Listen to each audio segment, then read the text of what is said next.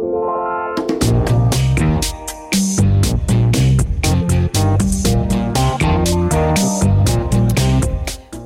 vil det si at en vaksine har effekt, og hva er egentlig forskjellen på 95 versus 60% effekt? Hvorfor anbefales ulike vaksiner til ulike grupper? Dette og flere effekt- og anbefalingsspørsmål vil vi snakke om i denne utgaven av Folkehelsepodden. Med meg her på Linnan har jeg da vaksineekspertene Sara Viksmoen Vatle og Are Berg. Og med spørsmålsarket sitter jeg, Torunn Gjerustad. Hjertelig velkommen.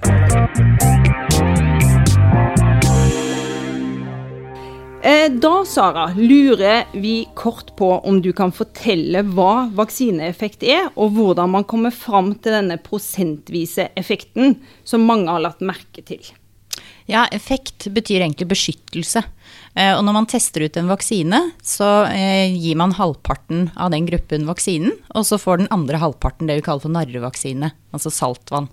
Eh, og så følger man disse eh, personene over lengre tid, og så ser man hvor mange er det som blir syke i de ulike gruppene.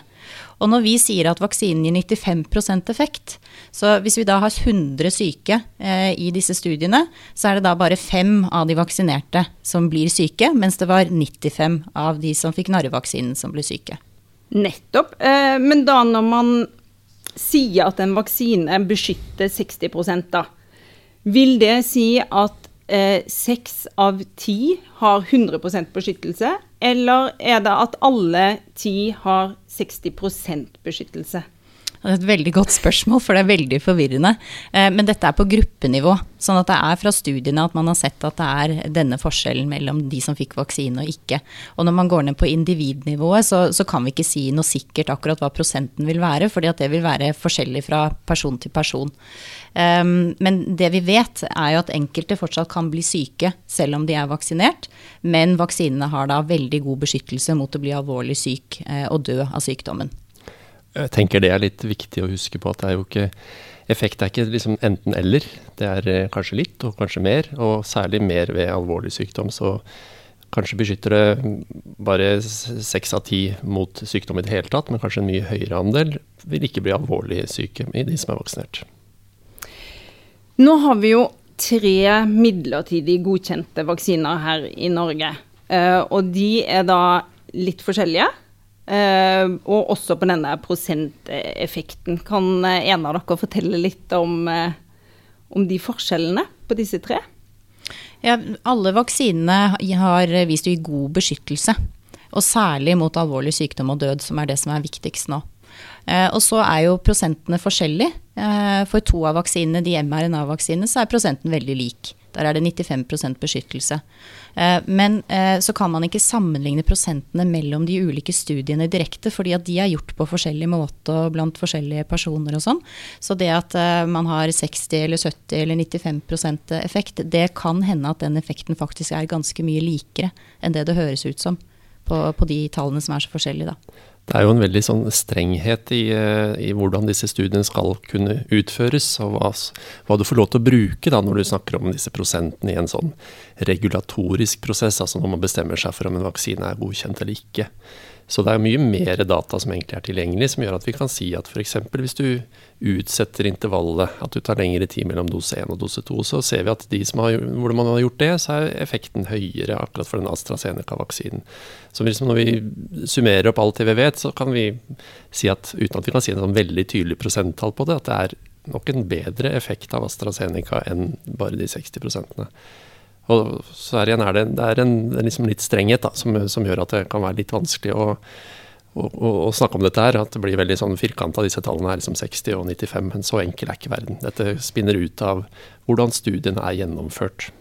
Ja, og når, vi ser på anbefalingene våre, så kan vi se i et litt større perspektiv. Eh, og da vurderer vi alle studiene som er gjort på de ulike eh, vaksinene. Og f.eks. for, for AstraZeneca-vaksinen så, så, står det jo 60% i godkjenningen. Mens når vi ser på alle studiene på deltakerne som var med, så ser vi at eh, tre uker etter første dose så er det i overkant av 70 eh, som er beskyttet mot å få mild sykdom. Eh, og den beskyttelsen den holder seg veldig god. Eh, og beskyttelsen er høyere, som Ari var inne på, eh, etter andre dose for de som fikk et lengre intervall mellom dosene. Så derfor så anbefaler vi at man har det lange intervallet på 9-12 uker da, mellom de to dosene. Men er det sånn at vi har blitt litt eh, vel opptatt av den prosenten? At Før så har man kanskje nesten ikke snakket om hvilken effekt har en vaksine, man bare tar en vaksine. Man hører jo ikke det i barnevaksinasjonsprogrammet. Ja, hvilken effekt har den? Man bare tar den, og så snakker man mer om hvor mange eh, prosent er villig til å ta vaksine. Det er liksom der prosenttallet har versa mest, da. Eh, men at nå er, er, det nesten litt sånn eh, en ny eh, prosent man snakker om. Dette tenker jeg jo gjelder ikke bare vaksine, men kanskje en, en veldig oppmerksomhet rundt hele denne pandemien da, og alle, alle, ting rundt det. At vi har på, på, godt og vondt blitt uh, opplært i uh, ting som vi kanskje ikke tenkte på tidligere. Det var jo I, i våres så var det mye snakk om denne R-en, som vel ingen hadde hørt noe om før, bortsett fra de som jobbet med den, som gjorde at vi lærte en del, men kanskje ble litt overfokusert på akkurat den. Det er jo ikke det eneste som betyr noe for hvordan eh, pandemien går videre. Mens nå er vi kanskje i overkant opptatt av akkurat denne, dette tallet på effektmålet. Uh, hvis vi skal tenke igjen, nå har vi de vaksinene vi har. Det er viktig at vi finner en vei ut av denne pandemien. Og der er vaksinene det, først og fremst det viktigste virkemidlet for det. Og disse vaksinene vi har nå, og vil nok komme flere til, vil sammen hjelpe oss ut av den. Og så må vi bruke de på best mulig måte for å gi mest mulig beskyttelse til flest mulig der ute. Det at man har flere vaksiner er jo sånn logistikkmessig, så skjønner jeg at det er ganske utfordrende. Eh, men sånn for å kunne anbefale til ulike grupper, er det da eh, pluss å ha forskjellige å spille på?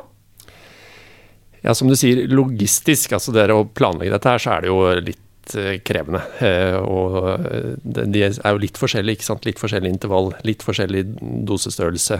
Så ikke minst for alle de som skal gjøre dette der ute, da. Alle i kommunene som skal gjennomføre dette vaksinasjonsprogrammet, så er det krevende. Men klart det gir en, en ting er at det gir en raskere tilgang til flere vaksiner når, dette deles på flere produsenter. Og så kan det også ha sine fordeler at vi kan bruke forskjellige typer vaksiner til forskjellige grupper. At det kan hende at den passer bedre til noen. Og da, da, lurer jeg på det her med uh, immunforsvaret til folk. Altså, uh, Man snakker jo om at eldre har jo et litt svakere immunforsvar. At det svekkes med alder. da. Uh, og at når du er yngre, så har man et, et bedre immunforsvar. har det noe å si hvordan man da anbefaler vaksiner? At man ikke trenger like, like sterke doser? Ja, altså det, er, det er jo sånn generelt for vaksiner så vil beskyttelsen være uh, noe dårligere hos eldre personer, og også de som har uh, sykdommer som gjør at immunforsvaret ikke er like sterkt. Og til de personene så, så vil vi gjerne uh, gi dem den vaksinen som har den høyest dokumenterte effekten de, de, vil kunne få tilbud om eh, alle de vaksinene vi har i Norge nå, fordi alle har god effekt, og særlig mot alvorlig sykdom. Men eh, da, da, gir vi den med, med, eller de vaksinene eh, med den høyeste effekten for å prøve å få så god effekt som mulig i de gruppene også. Og det her Man snakker om hvor god beskyttelse er mot alvorlig sykdom. Men vet man noe om de beskytter mot å bli smitta? Det er ganske komplisert å finne ut av, faktisk. Eh, men eh, jeg kan prøve å forklare det. Eh, altså vi har snakket om at vaksine beskytter mot å bli syk. Og hvis ikke du blir syk, så får du jo heller ikke symptomer som hoste og, og snørr. Og da er du jo mye mindre smittsom. I tillegg så gjør vaksinen at du hvis du blir syk, selv om du er vaksinert, så er du syk uh, altså du blir raskere frisk. Og så har du ofte mindre virus i luftveiene, så det bidrar også til mindre smitte. Men så er jo det store spørsmålet da om vaksinen kan beskytte deg fra å bli smittet og å smitte videre. Eh, og det vet vi ikke så mye om ennå. fordi eh, eh, hvis du er vaksinert, så kan du også bli smittet uten at du har symptomer i det hele tatt, så du vet ikke at du er syk. Og da vil sjansen din igjen være mindre for at du selvfølgelig fører det videre, men akkurat der vet vi ikke. Vi har ikke noe, har ikke noe tall på hvor godt beskyttet du er mot å smitte når du ikke har symptomer. Og det der er jo en litt sånn det er noe av det som er litt krevende når vi ikke har den kunnskapen for hvordan skal vi oppføre oss når vi blir vaksinerte. Eh, kan vi liksom da bare gjøre akkurat som før, eller må vi fortsatt tenke oss om? Og Foreløpig, med den kunnskapen vi har nå, så må vi fortsatt tenke oss om. Vi kan ikke bare uten videre lette på alle tiltak eh, foreløpig. Og Så blir det litt lettere når vi får en større andel av de sårbare som er, er vaksinert, og sier litt mer om det. Og når vi i tillegg får mer kunnskap om denne smittereduserende effekten. Da. Om den virkelig kan ta bort nesten alt, eller bare en viss andel av smittsomheten ved en, hos en vaksinert. Men så er jo den som er vaksinert, eh, vil jo være godt beskyttet. Sånn at eh, de trenger jo ikke å være så redde for å bli eh, sy alvorlig syke. I hvert fall når de er vaksinert. Og kan da f.eks. se familien sin mm. litt oftere enn det de har gjort før. Ja, det tenker jeg også. Begynner vi å se noen effekt av at de aller eldste nå har fått vaksine? Sånn i på befolkningsnivå? Ja, eller på antall syke og alvorlig syke. Nei, vi har ikke gjort klart å se noen tydelige tegn til det ennå. Eh, og det har noe å gjøre med at, si at kanskje det første vi kunne ha sett det på, er, er dødsfall. Eh, fordi det har jo vært i, En stor andel av de som har dødd av denne pandemien i Norge, har jo vært på sykehjem. Og der er jo de aller fleste nå vaksinert. Men så har det også vært lite dødsfall i Norge, så det tar litt tid på en måte å oppdage at dette går tydelig nedover.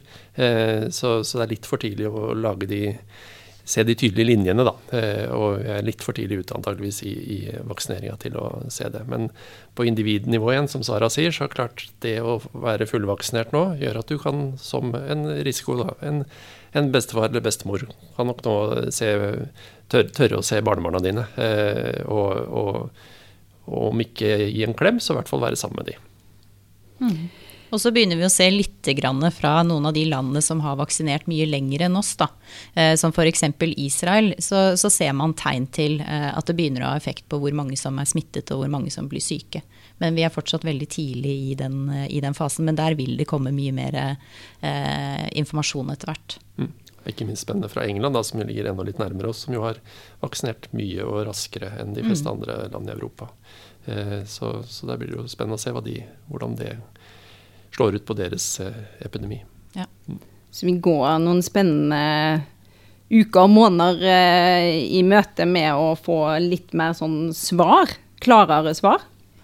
Ja, absolutt. Det tenker jeg. og Det ser man jo litt i mediebildet også. At det kommer jo veldig mye eh, informasjon både på Twitter og på sosiale medier og i avisene og sånn. Så det blir, det blir, noen veldig spennende måneder. Ja, de månedene fortsetter å være spennende, kan man nesten si. Jeg syns de har vært spennende lenge nok, jeg, for så vidt. Men det, de, det er fortsatt Spenningen fortsetter. More to come. Eh, men det har jo vært mye diskusjon om dette her med hvilke vaksiner til hvilke grupper. Eh, for da er det jo de eldre som har fått eh, disse mRNA-vaksinene som har viser den høye effekten. Og så er det jo da AstraZeneca som har en litt lavere, men ikke nødvendigvis at det er en dårligere vaksine til helsepersonell. Og ja, kan du Are, kanskje fortelle litt mer om dette her med de anbefalingene av ulike grupper? Ja, det, det er jo litt eh, todelt. Det er jo de eldste som har behov for den aller eh, høyeste beskyttelsen. Eh, og vi vet at de vil kanskje ha en litt lavere beskyttelse enn det studien har funnet ut. Så det gjelder å starte på høyest mulig tall for at de, når den effekt kanskje går litt lavere. Eh, og Dernest er det jo noe med å få vaksinert flest mulig, også helsepersonell. Og så har vi de vaksinene vi, vi har. da. Eh, så det er jo mer snakk om å, å, å, å, dele ut de på best mulig måte. Eh, eh, AstraZeneca vil gi god beskyttelse også hos helsepersonell, ikke minst mot alvorlig sykdom. Eh, de har vi ikke kunnskap nok om til å gi oss de eldste. Og Derfor blir det naturlig følge at vi må gi eh, mRNA-vaksiner til de som trenger beskyttelse mest og så raskt som mulig. Eh, og der har vi bare ett valg, dvs. Si to, da, Moderna og denne fra BioNTech og Pfizer. Eh, som vi tenker på som likeverdige. Mens på helsepersonell så blir det naturlig da å bruke AstraZeneca for å ikke bruke opp av den, eh, det vi trenger til, til de eldre og sykeste. Eh, de som anbefales vaksine, kan de sjøl velge vaksine? Altså Nå har du jo snakka litt om det, men eh, kunne f.eks. en eldre person da sagt nei, jeg vil heller ha AstraZeneca? Altså er det innenfor den rammen av anbefaling kan man bestemme sjøl?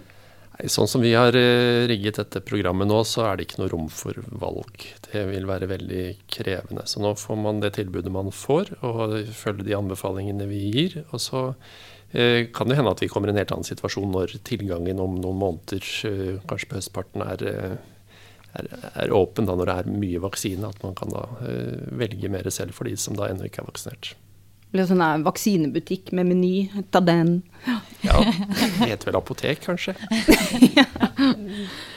Um, ja, eh, folk som har eh, sykdommen, altså hatt covid-19, eh, eller har den, kan de få vaksine? Ja, eh, altså Foreløpig så, så, så, sier vi det at eh, fordi vi har ikke hatt så mye, mye informasjon om hvor godt alle som får covid-19 er beskyttet mot å få det igjen senere. Og i så fall hvor lang den beskyttelsen din varer. Og det vil jo selvfølgelig være veldig forskjellig fra person til person. Ehm, men nå begynner det å komme mer informasjon om det. Sånn at etter hvert så kan det hende at vi skal endre det rådet vårt. Ehm, men Foreløpig så er det en del sånn usikkerheter eh, som gjør at eh, vi må tenke oss litt om at det rådet kanskje da ikke vil gjelde for alle. F.eks. de som har et litt dårligere immunsystem, eller som ikke har like god evne til å eh, få eh, effekt av vaksinene. Men eh, der gjelder det å følge med på nettsidene våre. Så oppdaterer vi de så fort vi har nok informasjon til at vi tenker at eh, det er et godt råd å gi. Og så har vi fått spørsmål om Eh, hva skjer dersom du har tatt vaksinen og etterpå oppdager at du er gravid? Ja, det gjelder jo ikke de eldste, da. Nei, forhåpentligvis ikke. Nei, da, da, kan du ta det eh, helt med ro. Det går sannsynligvis veldig bra.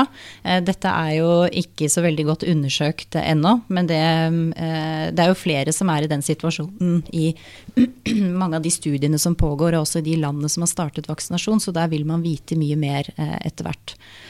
Og så kan vi vel si på et teoretisk nivå også, så er det veldig lite sannsynlig at det skulle være mm, noe farlig med de vaksinene vi har tilgjengelig i Norge nå.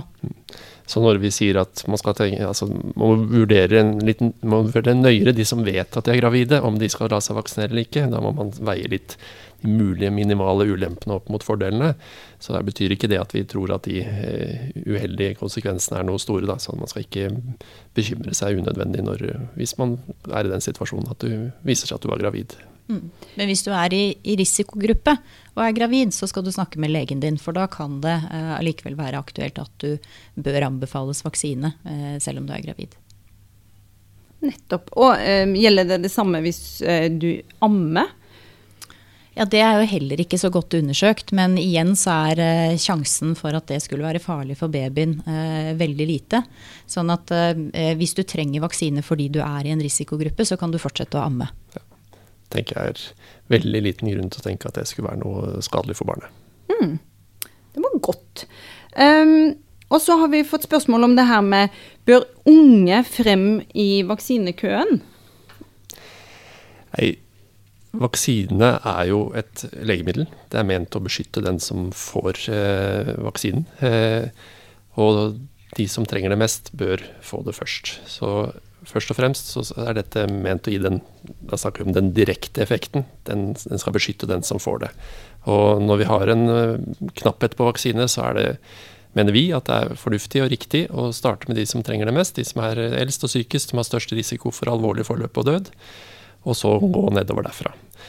Og så er det jo dette med den indirekte effekten som vi har vært innom, dette med om den har en smittereduserende effekt, og om, om den liksom kunne hjulpet å vaksinere mange av de yngre, som jo har større kontaktnett kanskje, og kanskje kan være viktigere smittebærere og sånt noe. Og, vi vil komme dit etter hvert, men jeg tenker for oss er det viktig å tenke på dette som et helsetiltak, og da beskytter vi de som trenger det mest først. Og så er det to ting til. og Det ene er at hvis du er ung og har en eh, veldig alvorlig underliggende sykdom som gjør at du har høy risiko for å bli alvorlig syk av covid-19, så prioriteres du eh, høyere opp i, i rekken. Eh, og så er det en del som spør om barn, f.eks. Og det er jo ingen av de vaksinene vi har i dag som er eh, godkjente for barn, bortsett fra den ene mRNA-vaksinen som man kan bruke ned til 16 år. Eh, men der er det eh, flere studier som pågår, sånn at vi vil ha mer informasjon om barn etter hvert. Eh, og da kan det også bli aktuelt for barn som er i visse risikogrupper. Men det er en veldig liten gruppe vi snakker om når det gjelder barn. da. Det har jo vært noe av lykken i denne pandemien, hvis det går an å snakke om det at barn blir så mye mindre rammet enn Og også for så vidt unge og unge voksne. Mm. At dette, det er en veldig, veldig tydelig aldersgradient, som det heter. Altså det er de eldste mm. som er eh, mest utsatt. Mm. Eh, og så snak, uh, snakker man jo om dette her, hvor lenge varer effekten? Eh, mm. Når er det man må ta en, en revaksinering? Ja, Det vet vi ikke helt ennå, men eh, det burde vi vite mye mer om eh, ganske snart. Og så vil jo det også være noe vi må følge med på i de månedene som kommer. Eh, og der vil det også være litt forskjellig. Noen grupper må kanskje ha påfyll av vaksine raskere enn andre fordi at de har sykdommer som gjør at de da ikke har fått god nok effekt av bare to doser. Og så har vi snakket litt om dette med virusvarianter. Eh, vi vet jo ikke helt hvordan det vil se ut fremover. Hvis det er sånn at virusene endrer veldig på seg, sånn at eh, den immunresponsen man har fått etter vaksinasjon ikke klarer å kjenne igjen de nye variantene, så kan det bli aktuelt å få oppfriskningsdoser eh, lenger frem. Mm. Dette kan jo da komme til å ligne litt mer på en sånn type influensavaksinering. Og Der er det nettopp de to.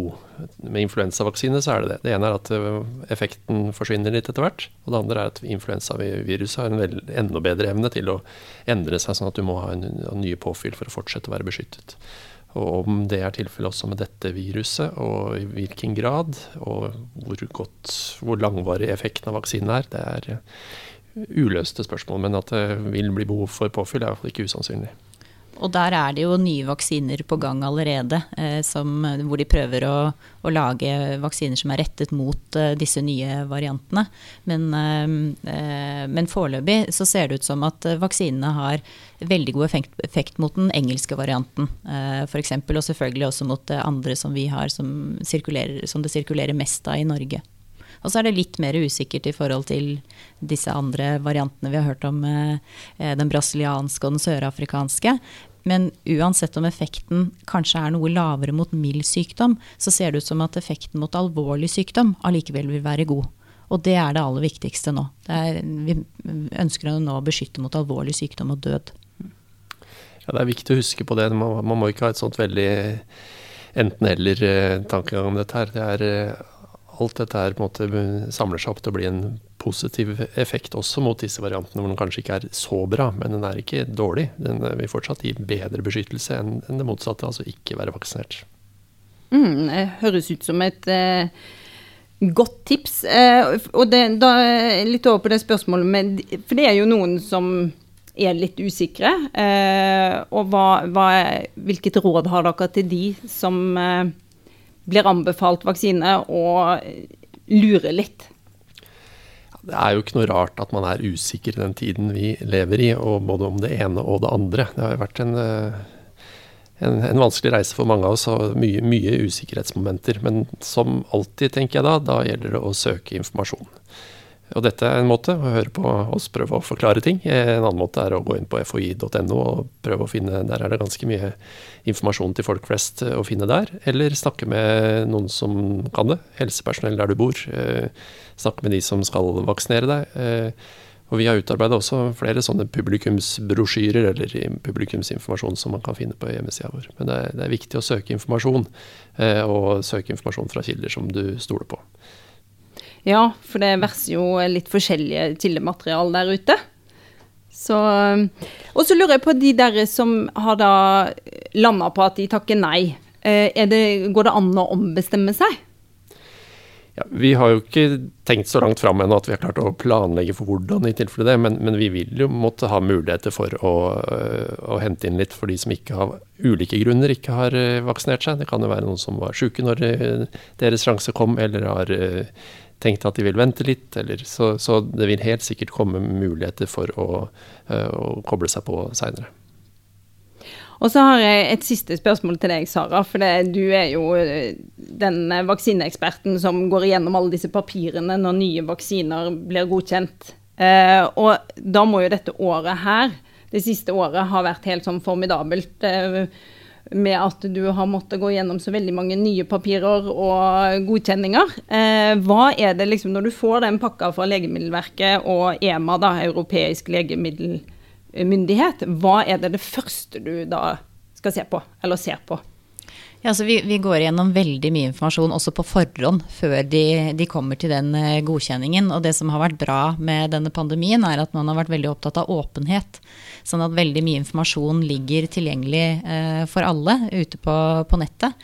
Eh, når eh, godkjenningen kommer fra, fra, myndighetene, så er det første vi ser på hva, eh, hva de har basert eh, beslutningene sine på. og hva de sier om effekten, selvfølgelig, og hva slags bivirkninger vi kan forvente at de som vaksineres, får etter vaksinasjon. Og så ser vi også etter eh, er det spesielle grupper vi bør eh, anbefale denne vaksinen til, og kanskje andre som ikke bør anbefales vaksinen.